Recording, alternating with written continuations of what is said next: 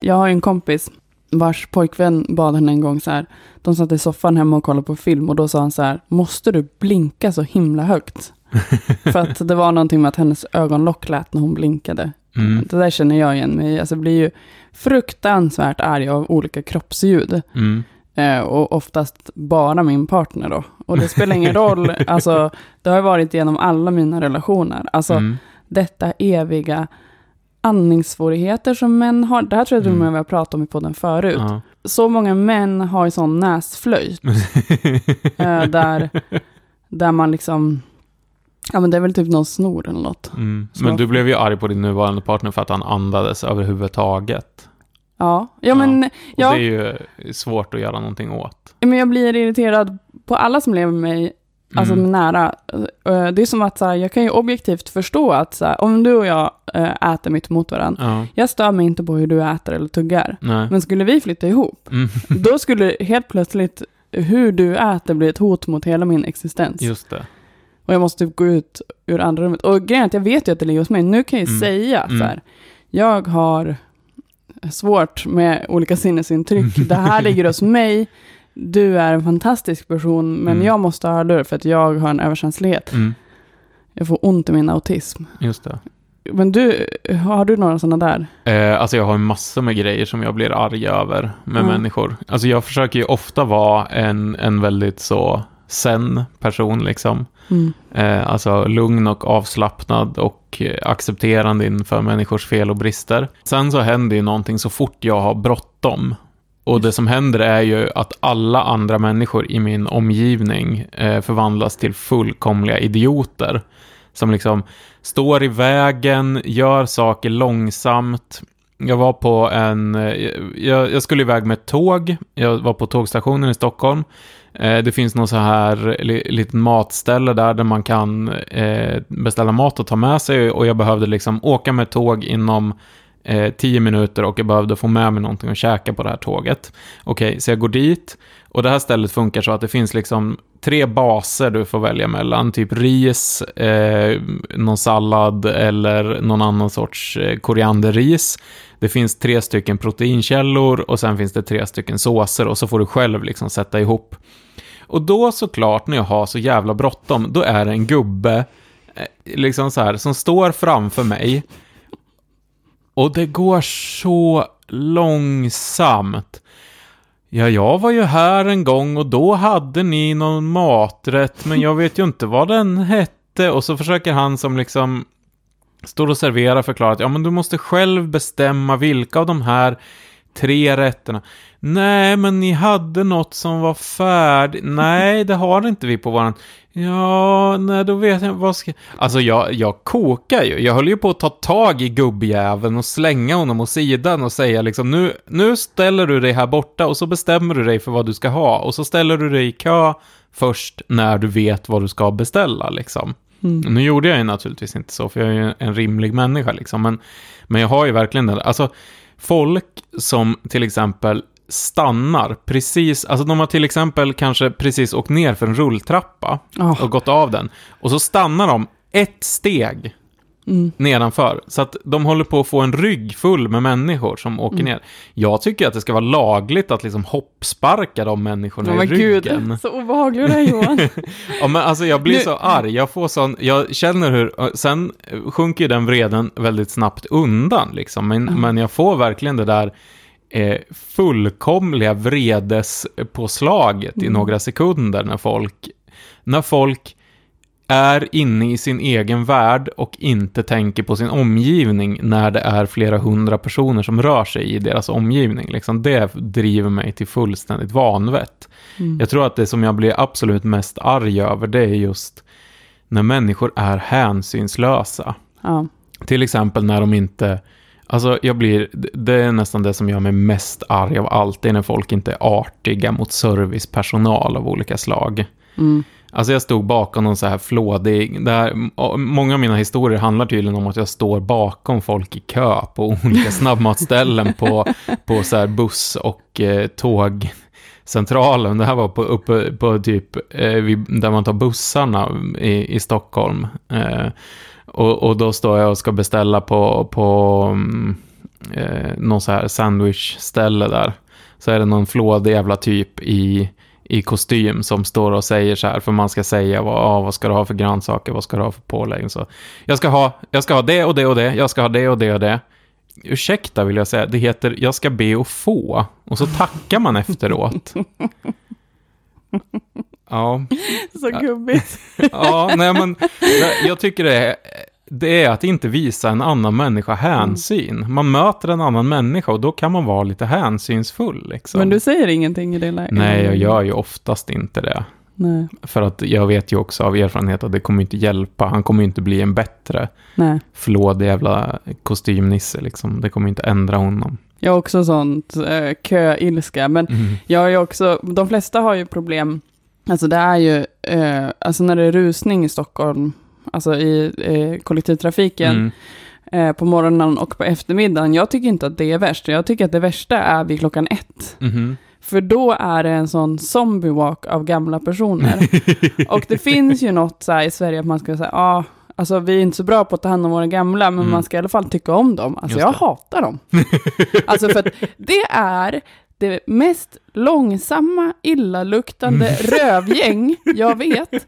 Det går liksom inte att komma fram och de är otrevliga. Mm. Och jag, alltså det är så många gånger jag har gått bakom en äldre person Mm. som bara, jag känner bara så här, du har så kort tid kvar att leva. Du kan inte slösa den på att gå så här långsamt. Då är det det enda du får göra. Jag vill liksom trycka på ryggen och, och putta dem framför mig. Gå Gerd, gå!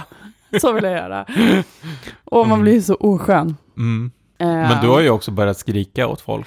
alltså Eller jag, du skriker framförallt åt busschaufförer. ja, men alltså det är ju inte bara det. Nej. Alltså det har ju gått från att så här, jag, har, jag vill ha civil- civilkurage Mm. och bete mig bra och agera i Mm. om typ två människor börjar slåss liksom, Ja. eller någon far illa. Och börjat göra det Mm. eh, sen jag flyttade till Stockholm, för det blir man ju liksom mer, Mm. det händer ju mer grejer Ja. här. Från det till någon så allmän uppfostrare och så här, alltså riktigt psyk alltså. Ja. Eh, ja, för att det finns ju gånger då man bara så här, tänk om man bara faktiskt skulle säga till, vad härligt det Mm, skulle vara. mm. Jag har ju passerat den Du gränsen. har blivit den personen Ja, som och det går inte att gå tillbaka. Nej. Det är så här, jag stått, jag tror att det har med sömnbrist och vara småbarnsförälder att göra. Mm. Mm. För att det händer så snabbt. För att då har jag liksom, antingen en gång började jag sparka på mitt barns vagn, alltså han Mm. var inte i vagnen. Mm. Han gick bredvid mig dock. Eh, Det Mm. var en jättedålig vagn och jag var tvungen att ha den varenda dag. Mm. För hans pappa ville ha den. Och till slut jag bara, vagn helvete! och så började jag sparka på den. Den klarar sig, den, håll, den håller. Men Mm. sen så bara, oj, vad jag gjorde? Han bara tittade på mig och bara, mamma. Och jag bara, Mm. ehm, förlåt. Alltså det finns sådana gånger när man tappar det för att Mm. man har sån sömnbrist. Just det. Eh, och det där hade ju aldrig hänt förut. Nej. Alltså absolut inte på öppen gata, absolut inte framför liksom ett barn. Alltså mitt eget barn.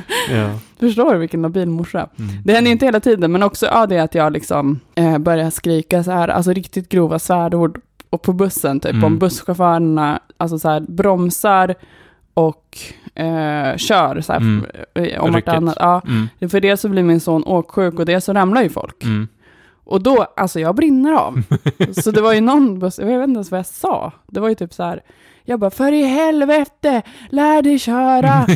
och han bara, hur ska jag, eh, eh, så blev han någon så här, men hur, hur tänker du att jag ska göra då? Det är ju bilar framför. Jag bara, Mm. inte fan vet jag, det är du som är busschaufför. och så bara, fan! Alltså nästan galen. Alltså, Du det, är ju en sån som jag skulle bli vansinnig på för att du är otrevlig mot servicepersonal. Ja, fast då har ju de gjort så att folk har ramlat liksom. För att de är men det vårdslö- kör vårdslöst. Får väl de jävla russinen sk- skylla sig själva. Men alltså, sitt ner och håll i fast er. med mitt barn också. Ja, men sitt ner och håll i er. Nej, men alltså de jag. bromsar så pass när man sitter ner att man åker fram i sätet framför. Ja, ja, men jag sitter all- alltid när jag åker buss sitter jag och håller i mig. Det här retar min flickvän mig för, för att jag är som en pensionär. För att Fast jag om sitter och håller i mig i liksom sätet när jag Fast åker om du är buss. typ två äpplen hög med typ Ja. ett huvud som väger dubbelt så mycket som din kropp, eller det vet du ju du hur det känns, Mm. hur det är att ha så huvud. Men du står ju i allt alltså. Ja, jo. Det Nej, är men därför jag, håller i dig.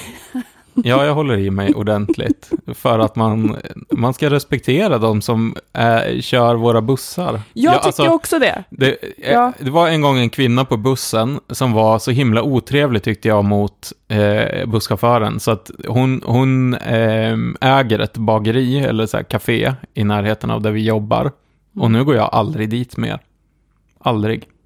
Varför då? För hon var otrevlig mot busschauffören och det tycker inte jag är okej. Nej, men jag tycker inte heller det är okej. Och jag är trevlig mot busschaufförerna. Alltid jag har försvarat busschaufförer flera gånger Mm. när folk har börjat bråka med dem. Då har jag ställt mig emellan och bara Mm. backa. Mm. Det där är inte okej liksom. Mm. Men när de liksom, för då är det ju att de, de skadar ju kollektivet när kollektivet slår i huvudet Ja, Johan. det. Då är det Mm. en person som förstör för alla. Just det. Då kan man inte köra buss, då ska man inte köra buss. Mm. Men sen så fick jag reda på att det var den linjen, alltså de bussarna är ofta trasiga bromsar på grund av Mm. att de prioriterar inte den linjen, så det är inte busschaufförernas fel. Mm. Så nu skäms jag varje gång jag åker buss istället. ja, nej Mm. men eh, också bara så allmänt börja läxa upp folk i tunnelbanan. Mm. Alltså om två stycken börjar bråka, då är det så här, du står här och du står där och nu lägger ni av. Eh, Men tror inte det att det är en följd av att vara förälder också? Och att hela tiden tillbringa liksom sina dagar med att säga åt en orimlig person vad Jo. han ska göra. Fast det är ju mitt gulliga barn. Det är ju skillnad Ja. att gå fram mellan två män som är så påverkade och så här ser så här tungt kriminella ut med så här rakad huvud och Mm. ansiktstatueringar. Och Mm. bara, nu backar du. Ja. Eller så får du gå hem. Mm. Men blir du arg i de situationerna? Ja, jag blir jävligt arg Mm. och det är också för att de skrämmer andra. Ja, just det. Ja, men det kan jag Eh, förstå. Det och för att jag ser, förstå. jag ser att folk inte vågar säga till. Ja. Och jag eh, har också, alltså eftersom jag är kvinna så kan jag säga till. Mm. Eh, och eftersom jag går kickboxning så är jag inte rädd för jag kommer... Ja, just det. Alltså så här, jag, jag har en annan chans att agera än vad många Mm. har.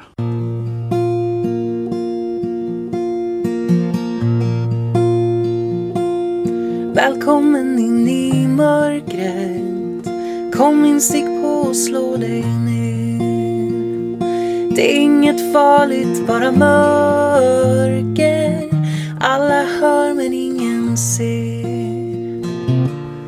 Välkommen in i mörkret Kom in, stick på och slå dig ner Det är inget farligt, bara mörker alla hör men ingen ser.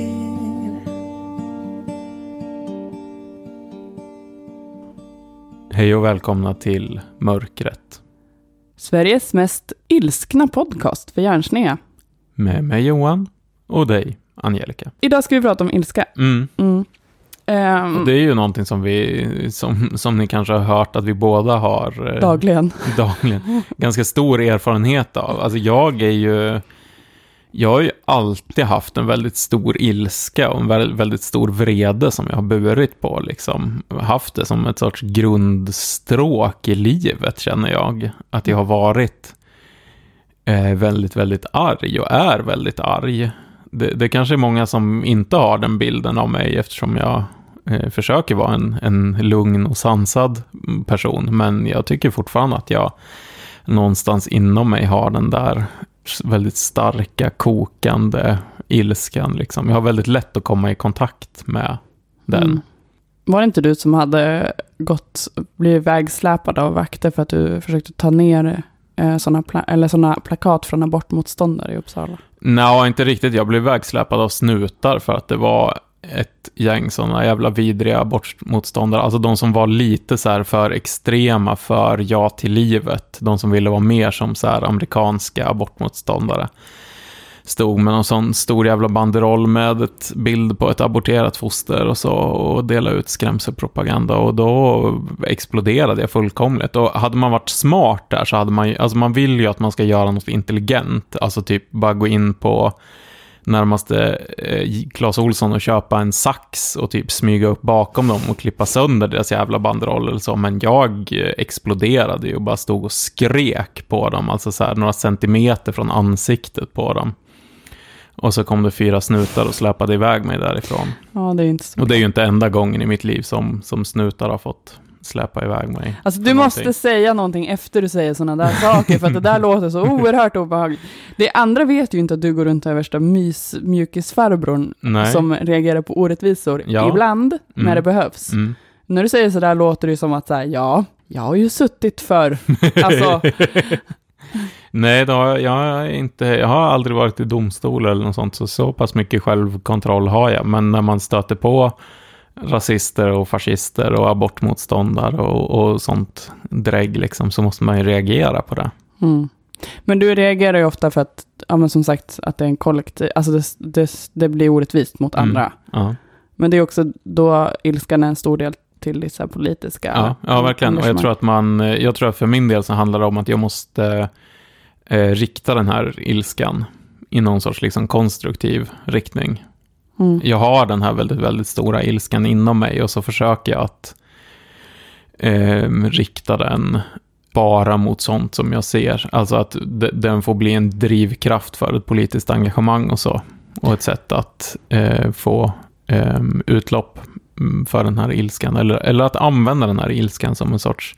Det finns en dikt som går så här, elda under din vrede.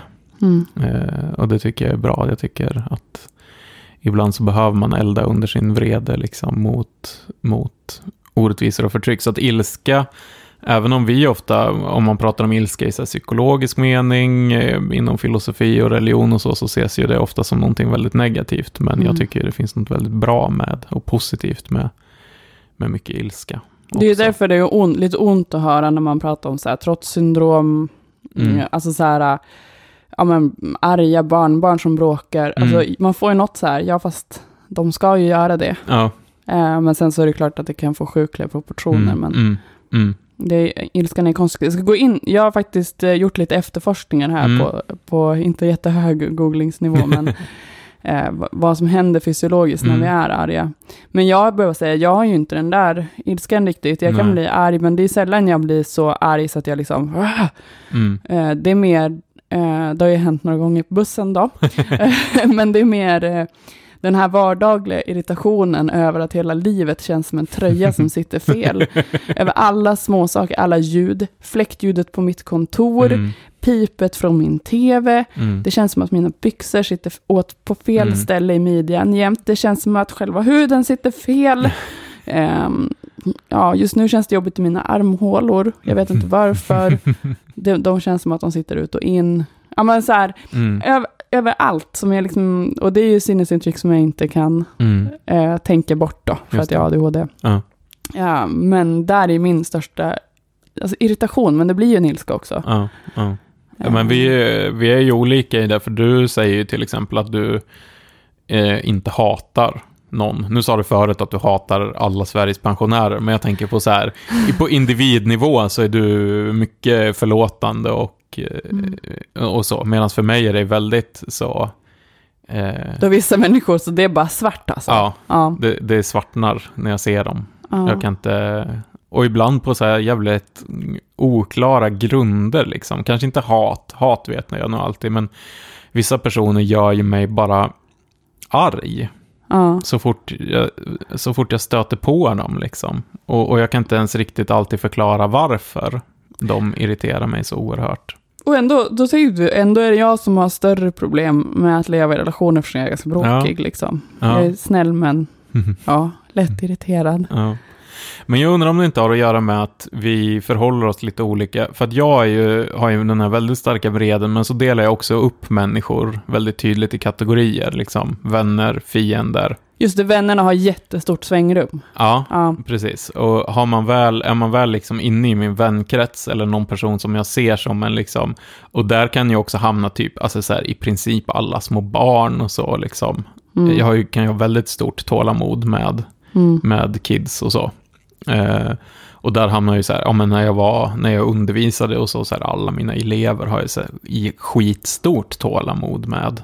Eh, Ja. Verkligen jättestort tålamod, för det jag anser, det blir liksom i min hjärna så här, kanske inte vänner, men så här, personer som jag har ett ansvar för, eller personer som jag liksom måste beskydda. Men sen det, har jag också en väldigt tydlig kategori av att det här är fiender. Det här är Mm. liksom folk som jag, som jag hatar och som jag kan vara hur arg som helst, helst på och så. Eh, och det kan man, där kan man ju hamna av politiska skäl, eller bara för att jag tycker att man är en jobbig person. Mm.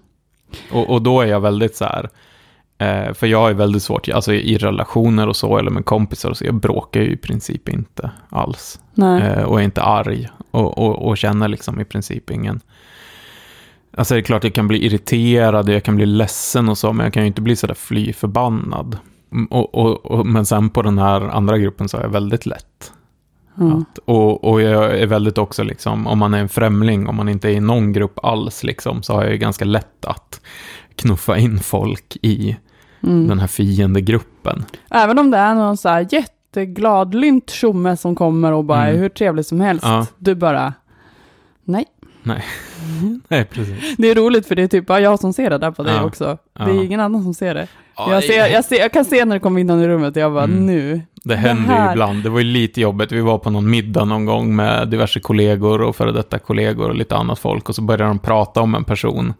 Och så sa någon, och så sa jag något om den här personen. Och så var det någon annan som bara, du hatar verkligen den här personen. och det blir så himla, så här, jag kan ju inte sitta där och erkänna att jag Ja, kanske inte inte hat, jobbet. men jag känner en djup, djup avsky så fort den här personen nämns. För jag kan inte heller riktigt förklara det. Det är inte så att den här personen på något sätt har typ skadat mig eller skadat någon annan eller så. Det, det är nog en person som bara eh, vill väl och vill vara trevlig, men där jag upplever att jag ser igenom den här personen och ser en sorts falskhet hos den här personen och så som andra inte ser. Mm. Och, och, och då blir det direkt så här. Och det kanske bara är, det kanske är så att den här personen har något i typ sitt kroppsspråk eller så som jag inte fattar. Hen kanske stammar med kroppsspråket eller något sånt. Alltså om jag var din psykolog nu, Mm. nu, hej och välkommen Johan. Mm. Ehm, idag så ska vi prata om den här personen som Ja. du stör dig på. Är det så att det kan vara så enligt teorier av ilska brukar man Mm. prata om att den här personen hotar något av dina mål? Kanske har du ett Ja. mål och ett behov av trygghet som den här personens upplevda falskhet Mm. hotar. Mm. Gud vilken obehaglig psykolog.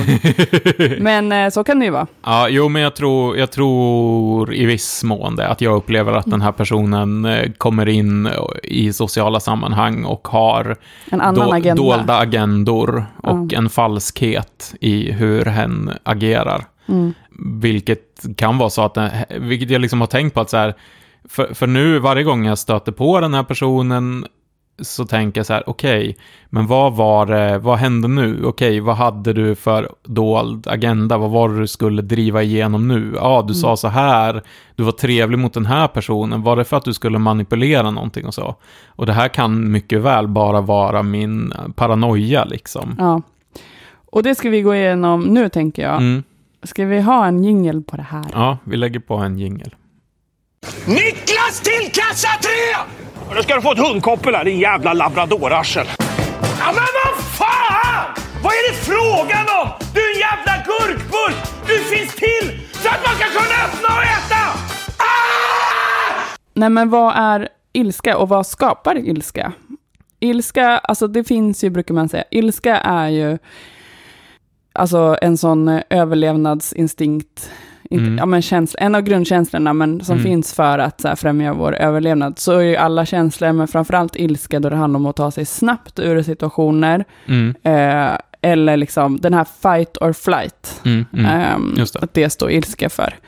Ehm, ja, och då är det ju att om, om mitt barns eller mina eh, känslomässiga, känslomässiga eller fysiska gränser kränks, då Ja. måste jag kunna agera snabbt. Ja. Eller om jag Det behöver inte bara vara ditt barn, det kan vara, Det kan vara någon annan Alltså, också.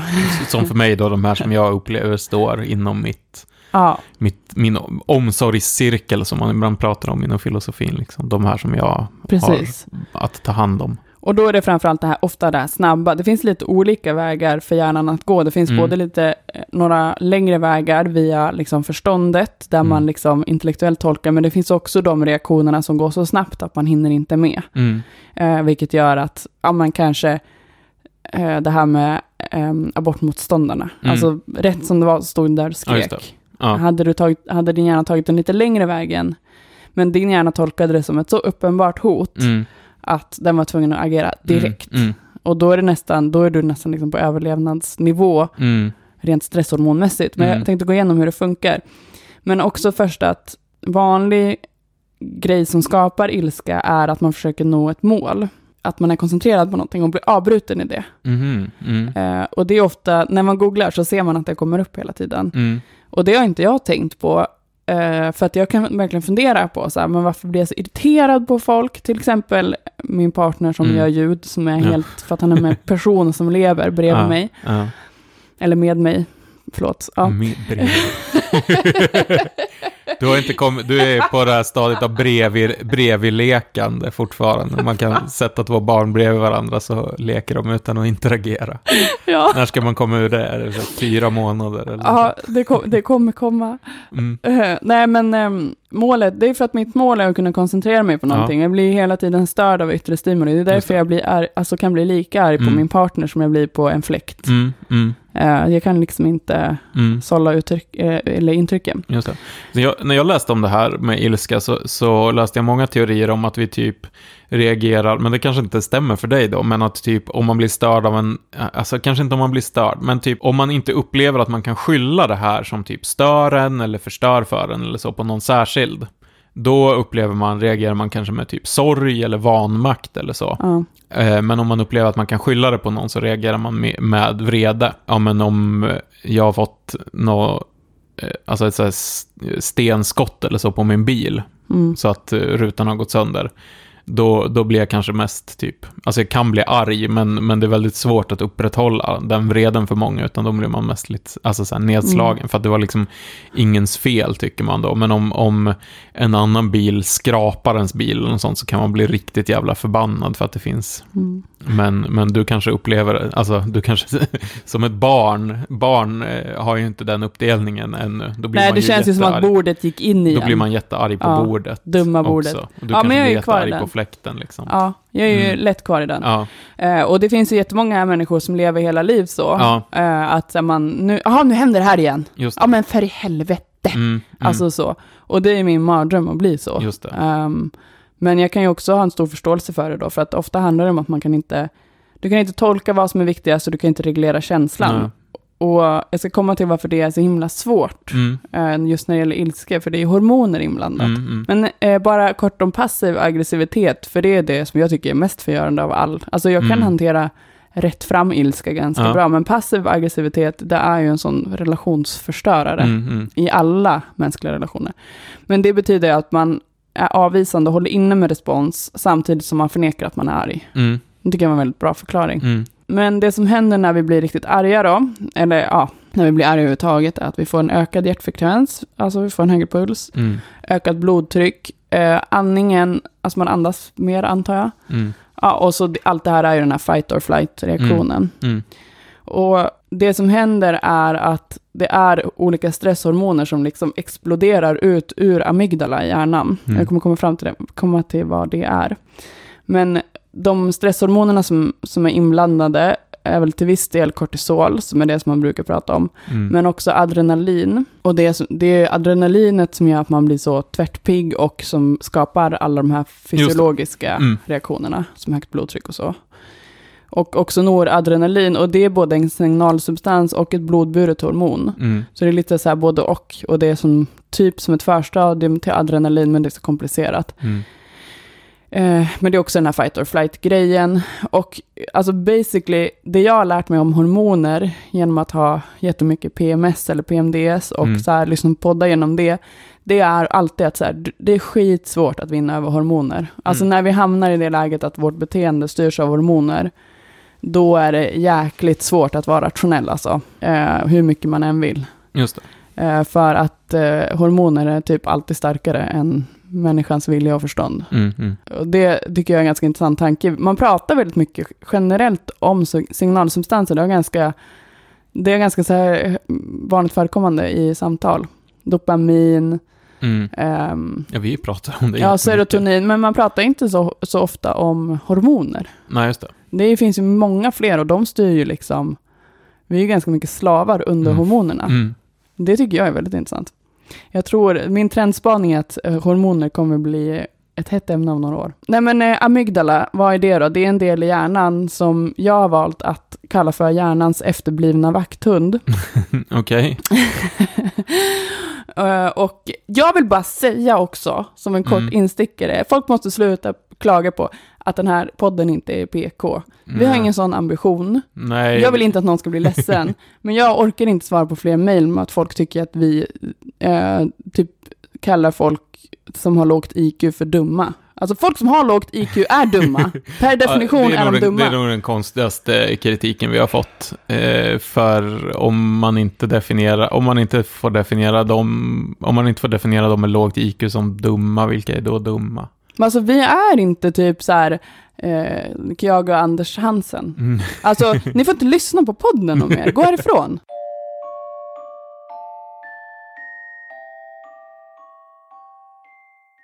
Det här ska bli spännande att se om det här, eh, hur mycket av det här som överlever klippningen. Ja, alltså vissa, vissa grejer, vissa grejer som folk har skrivit in, eller så skrivit in om, det är så här valid kritik och jag är klart glad Ja, ja. att folk så här Ja. rättar om jag har fel. Jag Mm. vill det. Men snälla, sluta. Sluta. Mm. Ja, okej. Eh, nu tappar vi några lyssnare. Men eh, good riddance, hej då. Stäng dörren på vägen ut, hej. Jag är också jättesnäll, nu kommer alla tro att jag är elak. Nu fick jag ångest. Ja, Ja, och då kommer du tvinga mig att klippa bort det här sen. kan du säga till lyssnarna att jag är den första som försvarar någon som får illa direkt? Ja, det gör du alltid. Ja, Man behöver, det finns liksom ingen koppling mellan ett, att, vara, att ha ett PK-språk och att bry sig om människor nej, bra. överhuvudtaget. bra. Eh, amygdala, hjärnans efterblivna vakthund då. Mm. Eh, det är en liten hund som sitter och skäller i tinningloben bakom örat, ungefär Mm. i linje med örat. Och där, amygdala, det är så komplicerat för att så fort man tror att man har förstått något om Mhm. hjärnan, då är det en annan del som är inkopplad. Eh, men eh, man kan säga kort förenklat att det är kopplingen mellan den info du får in från typ din syn och så, hörsel och så, Mm. och vilka beteenden och känslor som följer på det. Mm. Den dirigerar om trafiken där.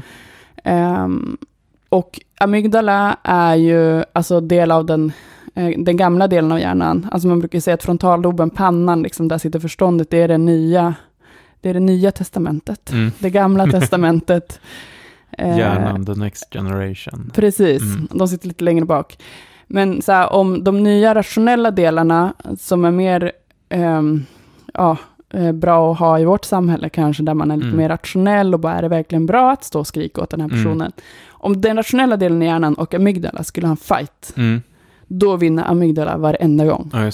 För den har de här hormonerna och den liksom eh, den är så viktig för vår överlevnad, tror hjärnan, att den får alltid gå före. Liksom. Mm. Mm. Och amygdala reagerar ofta först och starkt, men den kan också reagera fel. Mm. Och det är därför jag menar att det är en vakthund, men den är också en väldigt efterbliven vakthund.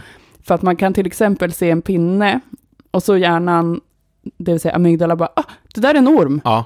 Ja, men så har ju jag jätte... Alltså jag, jag har ju en extremt stark ormfobi. Mm. Jätte, jättestark. Och jag ser ju alltså snören, pinnar, olika skuggor på marken. Det är verkligen, jag ser ju ormar hela tiden. Du har sån schäfer, Ja. jättestor schäfer Ja, som står ja men den skäller. skäller hela tiden. Ja. Alltså den skäller på vad som helst. Eh, Så fort den ser någonting som sådär eh, skulle kunna vara en orm, då får jag ju den, den liksom känslan som jag får om jag ser en, en riktig orm. Alltså jag älskar det här. Jag har ju gått sån, eh, det har jag berättat förut, en sån terapi där man får lära sig att öva upp sitt trygghetscentrum i Mm, hjärnan mm. för att ens hotsystem är så väl utvecklat. Ja. Och då är det ju amygdala. Ja.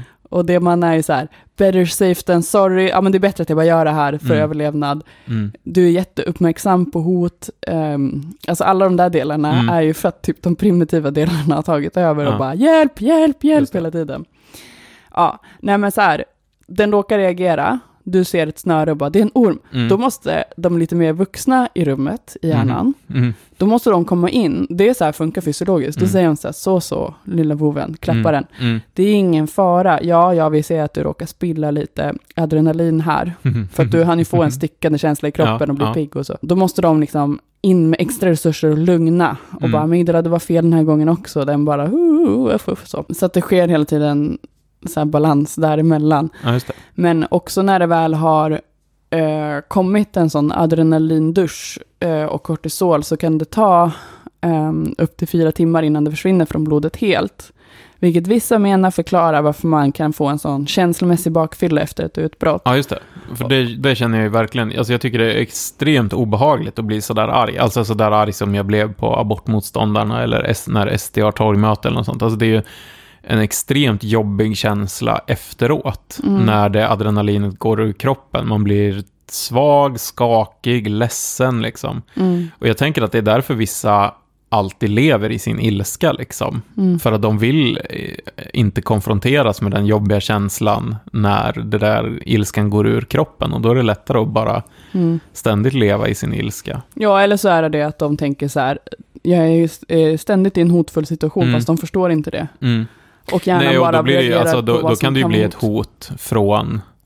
Alltså hotet att inte vara arg blir ett hot i Ja, sig. precis. Eller hotet från att bli ledsen eller, eller Mm. liksom svag, känna sig svag eller så blir liksom ett hot Mm. också. Men det som händer är ju att eh, man tror att eh, kortisol och liksom adrenalin och sånt kommer ut i blodbanan och det tar fyra timmar från det att det kommer liksom att det försvinner. Mm. Så det man också upplever är liksom rent fysiologiskt att du är inte i en farlig situation, du förstår det, för Mm. nu är förståndet med. Mm. Men ändå känner du stark ångest för Mm. att de hormonerna ligger kvar. Just det. Och det blir också en obehagskänsla i sig. Mm. Mm. Nej, men jag tror verkligen att det är som en sjuklig ilska. Och vissa kan ju också leva i ilska. Det läste vi ju om i, i den här texten du skickade för ett tag sedan som handlar om liksom män som misshandlar i sina relationer och så. Mm. Att vissa blir arga för att de är rädda för att bli arga. Mm. Alltså de upplever sin egen ilska som ett hot.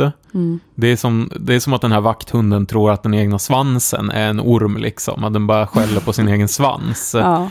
Eh, alltså det blir liksom en, en loop som så att säga bekräftar Mm. sig själv. Och, och då placerar man ofta den här, alltså man har inte förmågan, den här förmågan att känna att liksom ilskan är något som kommer inifrån mig, utan då på sin partner till exempel placerar man det här, du gör mig så arg och Mm. jag blir så arg av att jag blir så arg. Och så, blir Mm. man bara, och så byggs det bara upp till en liksom starkare och starkare ilska som då till exempel kan få sitt utlopp i, i våld. Ja. Nu tycker inte jag synd om folk som använder våld, men jag kan ändå Nej. känna så här ömmande känsla för det, för att när man har den här fysiologiska beskrivningen Mm. och så här vilka delar i hjärnan som, alltså man kan ju förstå det, Mm. alltså att man tappar kontrollen. Mm. Eh, också i den texten var så himla fin, den är från Manscentrum, Ja. att det stod så här, eller fin, men att ofta så gör den här mannen sådana ansträngningar för att eh, allt ska vara bra, så att man ska un- undvika att hamna i det här. Mm. Och man gör sig grejer för sin partner, Mm. och sen så är hon då oftast inte nöjd ändå, och då Mm. blir liksom, då har man ju det här målet, och Ja. sen så går det ändå inte. Nej. Och då blir ilskan ännu större också just för det. Mm.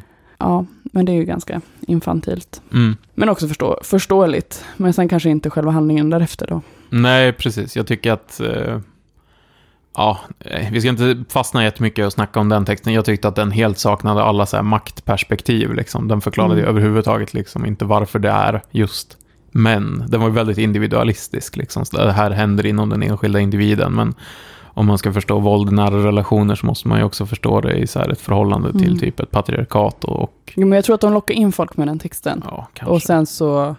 Ja, för Man att min, för att min, nej så här, för min, man kan ju inte ha min text som skulle vara så här, om du om, om du slår folk, om du slår din fru och din barn, ta ditt liv liksom. För det är ju det jag skulle vilja skriva. Nej, Eh, sluta.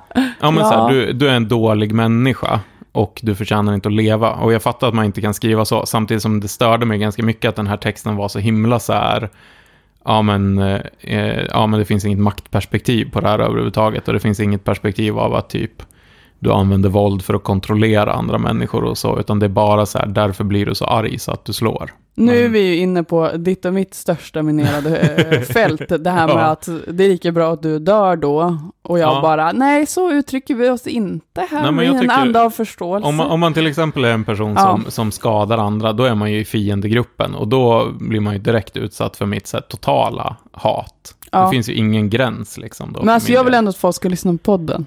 Ja, men eh, det är förhoppningsvis ingen som slår sina partner som lyssnar på den här podden.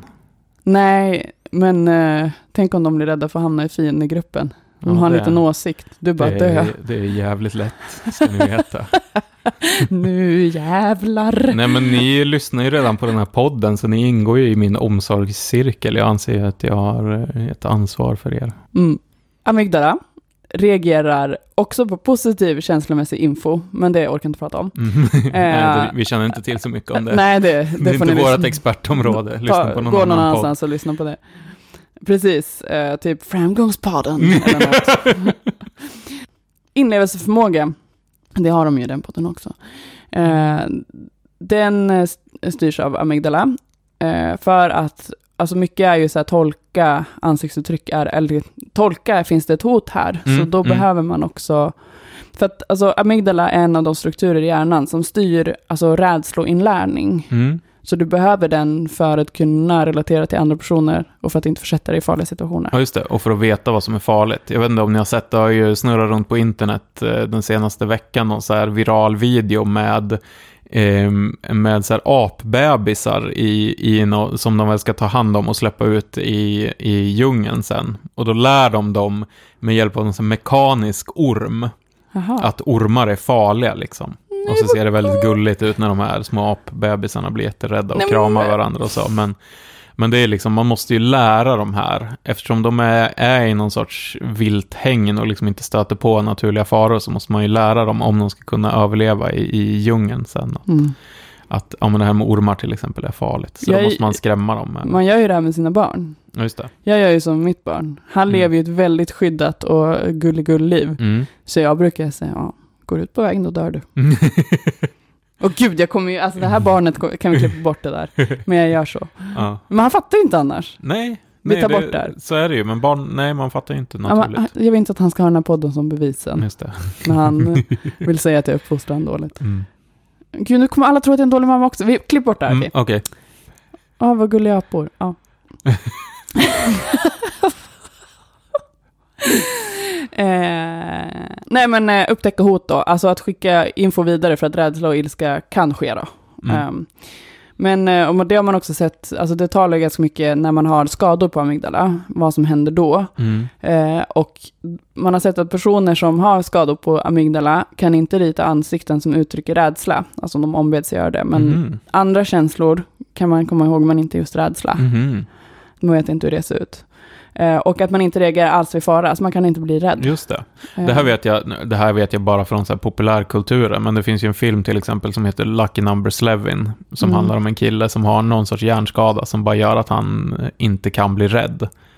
Eh, och det är ju ett problem, för man Mm. ska ju kunna bli rädd. Mm. Alltså det är dåligt att inte kunna bli rädd.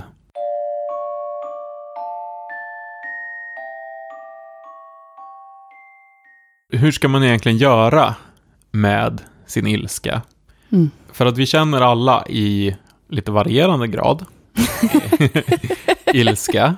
Vissa av oss känner det väldigt mycket hela tiden och, och andra verkar ju aldrig kunna bli arga. Men alla blir ju någon gång arga då eftersom vi har, ja, förutom om man har någon väldigt extrem hjärnskada så har vi ju alla de här systemen i oss liksom som, som gör att vi reagerar eh, när vi känner eh, hot eller irritation eller så.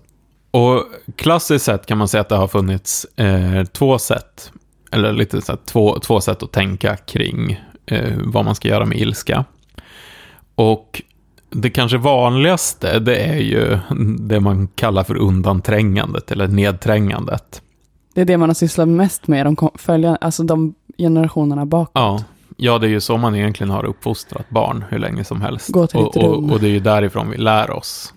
Alltså det är ju när vi i barndomen upplever och uttrycker olika känslor och så får vi av vuxna liksom lära sig hur man ska hantera de här och då har det ju oftast varit, det vill säga att ilska är fel. Du, du är fel om du uttrycker ilska och du behöver eh, lära dig att trycka undan det här. Mm. Att trycka ner det inom dig liksom. Var ska känslorna vara? På Mm. insidan. Speciellt som kvinna utsidan. kan jag säga. Ja, Där får ja, du absolut inte uttrycka ilska, då är du ju galen. Ja, ja verkligen. Ja, och man ehm, typ... Men vi kan komma in lite på det, för att det andra, den andra teorin kring hur man ska ehm, hantera ilska brukar kallas för katarsis-hypotesen. Och katarsis är ju ett, ett fint ord som kommer från grekiskan, och som från början liksom kommer från filosofen Aristoteles och egentligen handlar om ja, men varför vill människor titta på tragedier, på tragiska pjäser? Liksom? Jo, för att då får man uppleva den här katarsis, en, en känslomässig rening. Liksom. Det är dåligt att trycka ner ilskan eller hålla den inom sig. Och istället så ska man eh, uttrycka den, men kanske på ett... Alltså du kanske inte... Om du blir arg på en person så ska du kanske inte slå den personen på käften, för det är ju uppenbart liksom inte bra och så kan, så kan liksom inte samhället fungera. Men du kanske kan gå in i ett rum och slå på en kudde eller liksom skrika. Alltså du vet, det här primalskriksterapin. Vi har ju pratat om att vi vill ha en sån Eh, det höll man ju på med på, jag tror på, på 70-talet, att man så skulle skrika ut sin ilska och, och sin sorg och sin vrede och sådär. I en låda? Skrik. Precis, precis. För vi alla, alla terapeuter som höll, höll på med det här kunde ju inte ha ljudisolerade rum liksom, så vissa hade bara en liten låda med typ madrasser på insidan som man fick sätta på huvudet och skrika. Och det där har vi ju pratat om att vi skulle vilja ha som ett hjälpmedel på jobbet liksom. Tanken då är väl liksom att Eh, man brukar jämföra, man brukar se det sättet att se på känslor som att människor är lite som en tryckkokare, att vi liksom bygger upp en, eh, en eh, vrede inom oss eller en ilska inom oss som måste komma ut på något sätt.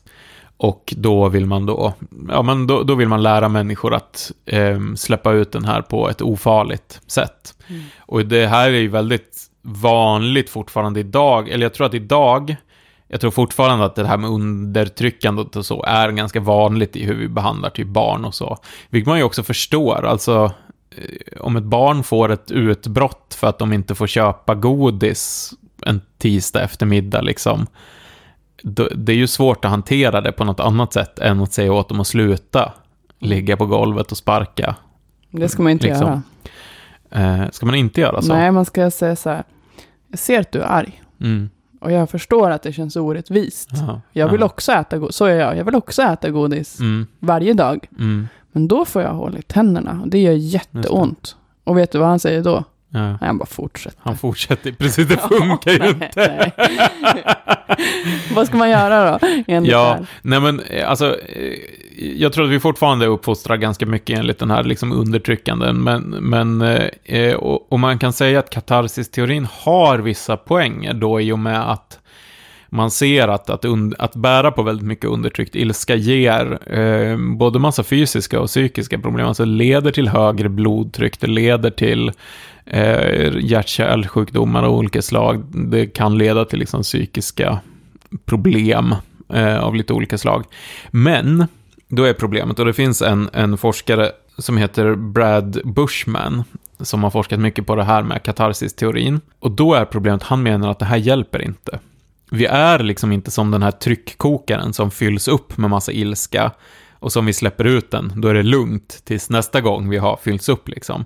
Utan det vi gör, om vi uttrycker våran ilska i form av aggressioner, även om de här aggressionerna är att typ istället för att slå på en boxningssäck istället för att slå på en människa eller så, så lär vi våran hjärna att när här blir man arg liksom. Ja, när det uppkommer ett sånt här stimuli, Mm. När jag känner den här rädslan eller den här irritationen eller jag blir avbruten eller i mina planer eller i, i mitt mål, då ska jag reagera med den här aggressionen. Och då blir det en betingning och det ja. är hjärnans starkaste inlärningsform. Ja, vi får, vi får en loop som alltså mm. alltså förstärker det här. Och, det här är också väldigt intressant, eh, det finns också en förstärkningsloop mellan våra ansiktsmuskler och de delar av hjärnan som har med våra känslor att göra. Och det här är ju otroligt fånigt, men det är faktiskt så här, det verkar vara så här och det verkar fungera att, alltså, om jag känner mig arg, då ser jag arg ut. Jag kanske jag rynkar på pannan, jag skjuter ner ögonbrynen. Jag gör på olika sätt, ehm, och det här tror man ju har, kommer alltså, du vet när en katt blir arg, eller mm. så, så de vill ju, de vill se stora ut, de vill se farliga ut. Mm. Och vi människor gör också olika saker med både vår kropp och vårt ansikte och vårt kroppsspråk när vi blir arga som gör att vi ska se stora, arga, farliga ut. Kanske mm. tänderna är lite blottade eller så liksom. Mm. Eh, men då är det så dumt att de här musklerna i ansiktet som visar våra känslor, de har en feedback loop som förstärker de här känslorna. Mm. Så att om jag ser arg ut, för att jag är arg, då kommer jag också bli argare. Det är så orättvist. Det är extremt. Det är också det här, det här är otroligt löjligt, men ni kan faktiskt testa det här hemma. Om man tvingar sig själv, man känns inte alls glad, mm. men man tvingar sig själv att le. Mm. Man tvingar sig själv att le ett stort leende. då kommer man faktiskt att känna sig lite gladare. Eh, för att det finns då, även, fast, alltså, även om jag bara tar mina fingrar och drar upp mungiporna alltså, och, och tvingar de här musklerna att aktivera sig, så, så kommer det att ske en, en feedback till min hjärna. Det är också så att en, en sak som man ibland har tänkt att är ett liksom bra sätt att hantera ilska är em, fysisk aktivitet. Mm. Att springa eller att boxas eller att em, lyfta tungt eller så. Och problemet är att det där är aktiviteter som gör just det som du pratade om förut. Alltså man höjer blodtrycket, eh, eller man höjer, vad heter det, inte blodtrycket, man höjer pulsen, eh, man ökar adrenalin, eh, man blir ju, ja men du vet, man blir så här rödflammig i ansiktet och så. Mm. Och det kan inte kroppen, eller hjärnan är inte så smart att den riktigt kan skil- skilja det från ilskan. Mm. Så det blir du också mer arg av ofta. Utom, eh, det säger eh, den här Dr. Bushman någonstans, att det finns ett undantag och det är om man tränar så himla mycket så att man blir riktigt, riktigt fysiskt utmattad. Så brukade jag göra. Ja, för då orkar kroppen liksom inte vara arg längre. Och då kan Exakt. du faktiskt bli av med den här ilskan. Alltså det är faktiskt sant. Det, här Ja. väl, det var min invändning. Jag bara, fast jag använder ju Mm. boxning så, Mm. men det är ju för att jag höll på i två timmar tills Ja. jag basically var utmattad och sen var jag ganska trevlig resten av dagen. Just det, precis. För att du kan egentligen inte, du får inte bort den här ilskan genom att boxas, men du kan bli så pass trött så att du faktiskt, kroppen orkar liksom inte vara i det här ilskeläget längre. Men det förklarar också, jag bara inflikar det, att vi en gång var med om boxningen, vi hade haft väldigt hård så här, matchsparring eller sparring Mm. liksom. Och ehm, när man slåss mot varandra, Mm. på varandra, med ganska, alltså sån 70% eh, kraft. Mm. Eh, och då, ibland så blir man ju arg av det. Ja. Eh, och sen så hade vi kört väldigt länge och sen så kom jag in i omklädningsrummet på tjejernas och bara började gråta så här. Mm. Och det var ju den här känslomässiga bakfyllan som man kan få när man har varit Ja. riktigt arg. Och jag tyckte Ja. att det var så oerhört pinsamt. Jag bara, Ja. varför gråter jag ens? Gud, så här, jag bara, jag, jag känner bara, ah, det blev bara för mycket så här. Mm. Och då var det en som sa där, så här, en yngre tjej, jättefint, hon bara, Mm. men du, vi har alla varit där efter sparring, att man Ja. är ledsen, alltså det Ja. händer grejer, man blir, hon bara, jag har gråtit i det här omklädningsrummet så många gånger, bara för att Ja. det är efter träningen, inte för att det har hänt något. det. Och det var ju så himla, det stämmer ju verkligen. Mm. Kroppen tror att man har haft ett utbrott. Mm. Och då är ju frågan, eh, liksom, om ingen av de här två liksom, stora, så här, vad ska jag säga, eh, strategierna för att hantera ilska som vi har haft under väldigt lång tid, om ingen av dem egentligen funkar, Mm. då är ju frågan, vad fan gör man istället då? Får jag gissa? Ja, Man avleder sig i stunden. ja, precis. För att kortisolet inte ska öka. Ja, Och då lär sig hjärnan inte att det här är skit. Och du slipper de här fyra timmarna efter där Ja. du mår skit. precis. Vet du vad det mest klassiska är? Det, det som är så hemskt, men det som säkert dina föräldrar har sagt till mig, det mina föräldrar har sagt till mig, det var enda fröken har sagt till en. Räkna till tio. Ja. Om du Alltså, blir arg. Ah, det är så, då, räkna till tio, gå ett varv runt huset, Mm. turn that frown upside down. Och allt stämde. Och det är Ja. så jävla irriterande. Visst är, det, visst är det hemskt att det är de här, när man börjar kolla på så här, vad stöd i vetenskapen? Jo, men det är de här gamla klyschorna liksom. Att om du kan till exempel avleda din ilska, om du eh, istället för att agera på din ilska kan ta ett steg tillbaks, ta ett djupt andetag. Alltså om vi andas djupt, då, då sjunker ju de här kortisolnivåerna och så i kroppen. Om vi slappnar av, om vi känner efter, vad, vad är, var har jag spänningar i mina muskler just nu? Jag försöker medvetet slappna av. Eh, noradrenalin, kortisolnivåerna sjunker i kroppen. Men vad härligt för dig Johan att undvikande beteende har visat sig funka i någon aspekt. Ja, just det. Du ser så här Ja. skitglad ut. ja, men jag tror... Och en annan grej som man kan göra är att försöka mentalt omformulera situationen. Mm. Till exempel, och det här, alltså, tyvärr, men vi kommer tillbaks till samma saker som vi hela tiden pratar om. När jag pratar om meditation, när vi pratade om känslostormar, när vi pratade om allt sånt där liksom. Men just att kunna ha distans. Mm. Och att se situationen lite utifrån. Se, okej, varför blev jag så arg nu? Hur agerade den här personen? Var det verkligen ett medvetet agerande för att göra mig arg? Mm. För det vet vi också att när vi blir arga, och på grund av de här hormonerna och så, och signalsubstanserna, så får vi mycket lättare att förklara andras agerande med att de hade en intention bakom det. Ja, man reagerar på hot. Ja, Man precis. Vi det som upplever det som att den här människan gör någonting mot oss. Alltså jag upplever ju då till exempel att när jag, när jag har jättebråttom till tåget så upplever jag att människor ställer sig i vägen för mig. Mm. Fast om jag tittar på det utifrån så inser jag att Du är en arg gubbe. Ja, nej men de skulle ju bara någonstans. Och så stannade de till för att de kanske blev osäkra. Ja, men de kommer precis ner för den här rulltrappan och så vet de inte om de ska åt höger och vänster. Och, så Och kanske de är det där, skyltningen. Liksom. Ja, precis. Inte personen. Precis, men jag upplever ju att det här är ju ett jävla pucko som nu ställer sig i vägen för att jag ska missa mitt tåg som jag måste med. Nu står det något jävla härke här Ja. igen. Ja, precis. Men om man då kan, om man då kan räkna till tio, Ja. placera sig utanför situationen och ta ett steg tillbaks, då kan du faktiskt minska. Du kanske inte kommer bli helt, eh, du kanske inte blir av med ilskan helt och hållet, eh, men, men den kommer, Det, eh, den, det kommer liksom förhoppningsvis att mi- mildras i stunden och det du då gör, det är att du lär inte hjärnan att nu kommer ett hot, någon, en irritation. Jag ska reagera på det med ilska, aggression utåtlevande. Utan då lär du istället hjärnan att okej, då ska jag reagera på det med att ta det lite lugnt Mm. och fundera. Det finns ett sånt eh, terapiverktyg som är skitfånigt, Ja. som jag och mina kompisar brukar skra- skämta om. Mm. Det är att man ska tänka, hmm, vad intressant. Just det. Det gör man ju aldrig, alltså Nej. i stunden. Nej. När amygdala har tagit över, då ska du, hmm, Men vet du, jag brukar använda typ det här ibland. Alltså, nu är det jättesällan jag är ute på krogen, men förr var jag eh, liksom, alltså, eftersom jag har ändå kompisar som dricker alkohol och ser en mening i att gå ut på krogen och sådär. Eh, Så det har ju hänt och jag tycker ju att det är en fruktansvärd miljö på Mm. alla sätt. Alltså det, det den är för mig full av hot Mm. och full av ehm, Triggers. Den är triggers och störande intryck. Och jag har ju också, alltså alla så här främmande berusade människor hamnar ju direkt i fiendekategorin liksom. Mm. Eh, och jag känner ju ett starkt behov av att typ eh, slå dem. Mm. Men då brukar jag tänka så här, tänk om jag var en antropolog som kommit till någon jättekonstig kultur.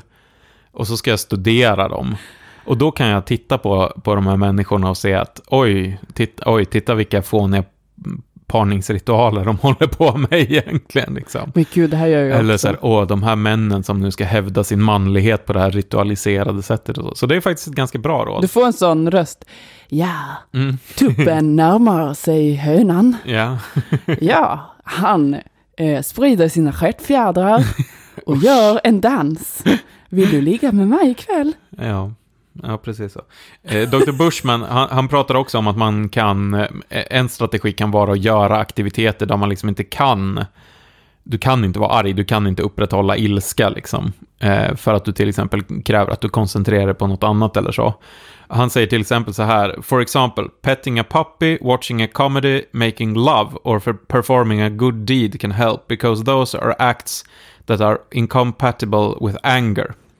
Här avslöjar ju han ganska mycket om sitt sexliv känner jag, men eh, För att han sa petting med en hund. nej, för att han sa making love.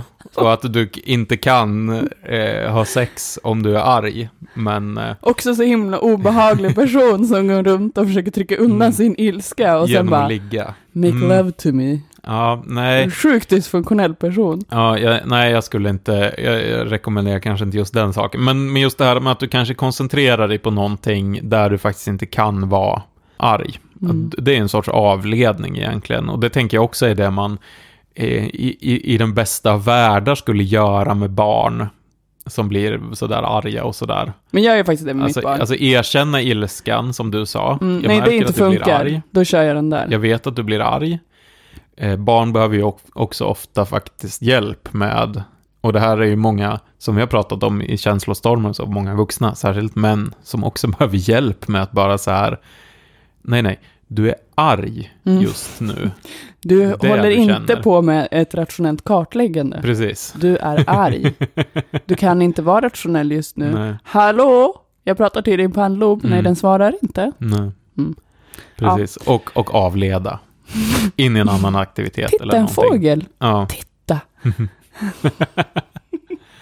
Och tyvärr så är det ju, det- är de här eh, jävligt grunda, jävligt klyschiga grejerna som faktiskt funkar på något sätt. Det vill säga att vi måste försöka lära om, eller försöka att inte förstärka de här looparna av att känna ett hot, reagera med aggression. Förutom ibland är det bra. Och det där är ju också en grej som man ibland måste lära folk. Alltså jag vet om av mina kamrater som har sysslat med att lära ut feministiskt självförsvar och så. Mm. Där handlar det ju om att faktiskt lära folk att okej, här är ett högst rejält hot. Ja, Och då har du rätt att agera med aggression. ja. Och det är till och med bra att agera med aggression. Eh, Statistiken är ju ganska fruktansvärd. Det är tyvärr så att, eh, att om man blir utsatt för ett våldtäktsförsök, Man fryser bara. ja, men de som typ börjar gråta, eh, ber om nåd, de löper då eh, större risk Ja. för att eh, ett, ett fullbordat våldtäkts... Man ska Försök. slåss och skrika och Precis. kissa på De sig som- och kräkas och, De som slåss eh, och skriker och och visar ag- aggression, där eh, minskar risken. Ska man inte vara äcklig också? Jo, jag har hört det, att man ska kräkas som en... Ja, om man kan det så, så hjälper det säkert. Som den där stormfågeln vi brukar Mm. prata om. Som kräks när den blir, eh, känner sig hotad. Ja, men alltså att äckel Mm. kan liksom... Ja. Mm. Nej, men, nej, men tyvärr är det ju så att, att eh, många, eh, särskilt tror jag kvinnor, har, har inte lärt sig att uttrycka ag- aggression. Nej, alltså hur Även ofta har man inte blivit utsatt för liksom någon slags övergrepp? Mm. Alltså i regelrätt med att någon har tafsat på Ja. en typ. Ja, Och man bara, men jag måste ju vara artig. ja, alltså, precis. och det där försöker jag också lära mig mitt Mm. barn. Nu blir det mycket mitt barn, men Ja. det blir ju så när man ska lära en annan människa. Mm, Alltså, det har ju funnits tillfällen typ i lokaltrafiken där någon vuxen, alltså typ någon som kanske är påverkad eller så, mm, har liksom innan jag har hunnit göra någonting, mm, eh, tagit i honom och varit Ja. så här, hej lilla gubben. mm, Och då försöker jag ju lära honom att så här, i den här situationen är det okej att skrika. mm, Alltså här får du Ja. säga nej, du får säga stopp. Och så visar jag hur man gör det. Eh, för att du bestämmer, för Mm. nu kändes det inte bra, eller hur? mm, Och han var så här, nej, nej. Och känns det läskigt, då får du skrika Ja. alltid. ja, Alltså så här. ja, precis. Ja, men det tror jag också är Undrar hur många som lär sina barn det, undrar jag.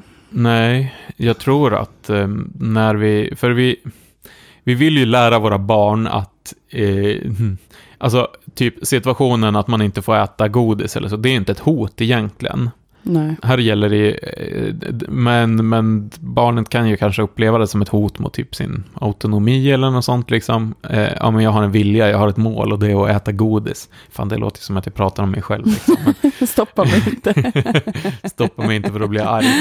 Stå i vägen. men, jag ska men å andra sidan så finns det ju massa saker som faktiskt är riktiga hot. Ja. Och där vi måste lära eh, folk eh, att ibland är det mest konstruktiva att reagera med, med Mm. ilska och med till och med aggression och till och med kanske att slå eh, eller sparkas eller bita eller liksom göra precis Mm. vad som helst för att, för att klara den här situationen. Men jag undrar lite, vad har vi på lågaffektivt bemötande? För det känns som Ja. att det är tankar som kommer upp. Alltså jag kan ju Just inte det. höra lågaffektivt bemötande utan att alltså börja koka av ilska. Just det.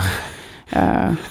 Jag vet inte så himla mycket om låga affektivt bemötande, förutom att jag tycker att det verkar lite störigt, för att det eh, känns som att det är någonting som drivs väldigt mycket i så här, skoldebatten av eh, folk som är typ psykologer och så, och som inte har en jävla aning om hur det är att faktiskt jobba i en skolmiljö och ha ansvar för 30 elever och sådär. Men det finns ju riktiga proffs, alltså jag Mm. tänker typ Bo Hellskog Welvén Ja. som har skrivit jättemycket om, Mm. om eh, barn med olika diagnoser och Mm. så här hur man kan möta det Mm. i lågaffektivt mötande, särskilt Ja. när det är för mycket ilska. Ja. Men, eh, och jag, alltså det är ju en person som jag har jättemycket respekt för Mm. och så här, jag skulle själv kunna läsa boken. Mm. Men när jag märker att någon enligt alltså pedagogiken bemöter Mm. mig med lågaffektivt bemötande när jag är arg, alltså jag brinner ju av. Alltså Just du vet det. om någon minsta lilla så här, jag hör att du har ett behov av det här, eller försöka Mm. ha någon slags så här utsläckning, att så här, det här kommer jag, alltså, Mm.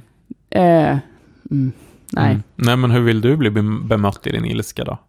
Det är väldigt svårt för att det finns, det är ju så himla lätt när man väl har vi- blivit arg att bli så himla förnedrad liksom. Det är ju så förnedrande att vara, Mm. att vara arg och att Så tappa arg blir jag nog kontrollen. sällan. Men, ja. Nej. Nej, jag vill bli validerad. Jag vill att Mm. någon ska säga, jag hör att det här är skitjobbigt för dig. Ja. Alltså så här, jag förstår. Mm. Eh, jag förstår att du blev sårad eller så. Ja. Och det är ofta därför jag, alltså det är ofta, först ofta blir jag irriterad. Och sen så blir jag arg när jag inte får det Mm. bemötandet. Ja. Men jag är en sån som person som blir jag validerad och sedd så går det över jättefort. Mm. Mm. Men så här, finns inte det där, eller om det kommer så någon pedagogik, alltså då, det. då är det så Nej, jag och måste jag- gå ut. Och jag tror alltså, att det är det som är svårt med så här lågaffektivt bemötande och lågaffektiv pedagogik och så, att människor försöker lära sig det som någon sorts så här flödesschema, hur man ska reagera i en situation. Och så blir det onaturligt. Men det måste ju ha en grund i en själv, liksom. Mm. Och att man själv har en, en väldigt eh, en väldigt djup grund, tänker jag. Mm. Ehm, Men jag tror att en del i lågaffektivt bemötande är eh, avledning. Men jag mm. läste också någonstans på Instagram att så här, i en konflikt så kan man pausa och ta varandra i händerna. Ta din partner i händerna Mm. och titta honom i ögonen. Mm. Bara, men det ska man ju inte göra. Alltså skulle någon göra det med mig? Ja. Alltså nej. Men du vill ju inte, du vill ju aldrig titta, ta Också din partner i händerna och titta i, Nej. i ögonen. Men så här, kan vi andas en stund tillsammans och bara känna varandras närvaro? Mm. Alltså det är ju en galen person som vill göra det mitt i en konflikt. ja, Låt ja. oss minnas vad vi betyder för varandra. Nej, Mm. låt oss inte minnas det just nu. Ja. Nej, men jag har sådana gränser för mig själv eftersom jag har alltså, så starka känslor på grund av Mm. ADHD. Att jag försöker tänka så här, jag har rätt att uttrycka, jag har rätt att vara arg, jag har rätt Mm. att känna vad jag vill. Mm. Och det är klart att den kommer märkas, min ilska i ett rum. Det Ja. kan inte göra så mycket åt. Eh, men jag kan däremot välja att inte agera på den så länge det inte är konstruktivt. Mm. Och konstruktivt är nästan aldrig i stunden. Utan då är det bättre att känna sen, nu är jag arg. Förhoppningsvis få validerat av någon annan, Mm. vad jag känner, men i alla fall från mig själv. Och sen så är det väldigt ofta folk bara, men, eller typ som min partner, som du är jag bara, låt mig ha känslan, den Mm. kommer gå över Ja, om tio minuter, för det vet Ja. jag. Ja, Och så är jag arg och gör ingenting, bara är. det. Bara är. Mm. Och sen så, sen kan jag liksom ta det här konstruktiva, men Mm. finns det liksom en situation där jag behöver gränsa? Alltså men det här har jag ju fått lära mig, en känsla är det här. Så här kan Ja. det kännas i Ja. kroppen. Här är en karta över olika känslor Ja. med typ ansiktsuttryck. Alltså det är typ på den nivån Ja.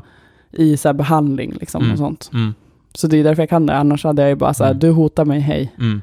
Ja, men många, det, vi har pratat om det här för- förr, men många har ju inte gått om den behandlingen. Nej. Många har inte lärt sig det och, och har inte den eh, kompetensen. Och, och då kan man ju inte, då kanske man inte ens själv känner att okej, jag vet att det här går över om tio minuter, kan vi ta det då? Eller så, så lever man i den här känslan att det är du som har gjort någonting. Alltså jag får ett obehag inom mig som beror på dig. Mm. Och är det, får jag resten av mitt liv, för jag är Ja. en man. Ja, Ja. precis.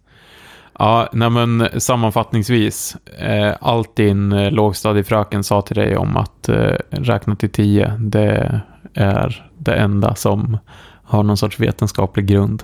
Ni kan eh, följa oss på Facebook. Eh, Där har vi en sida som heter eh, Mörkret Podcast.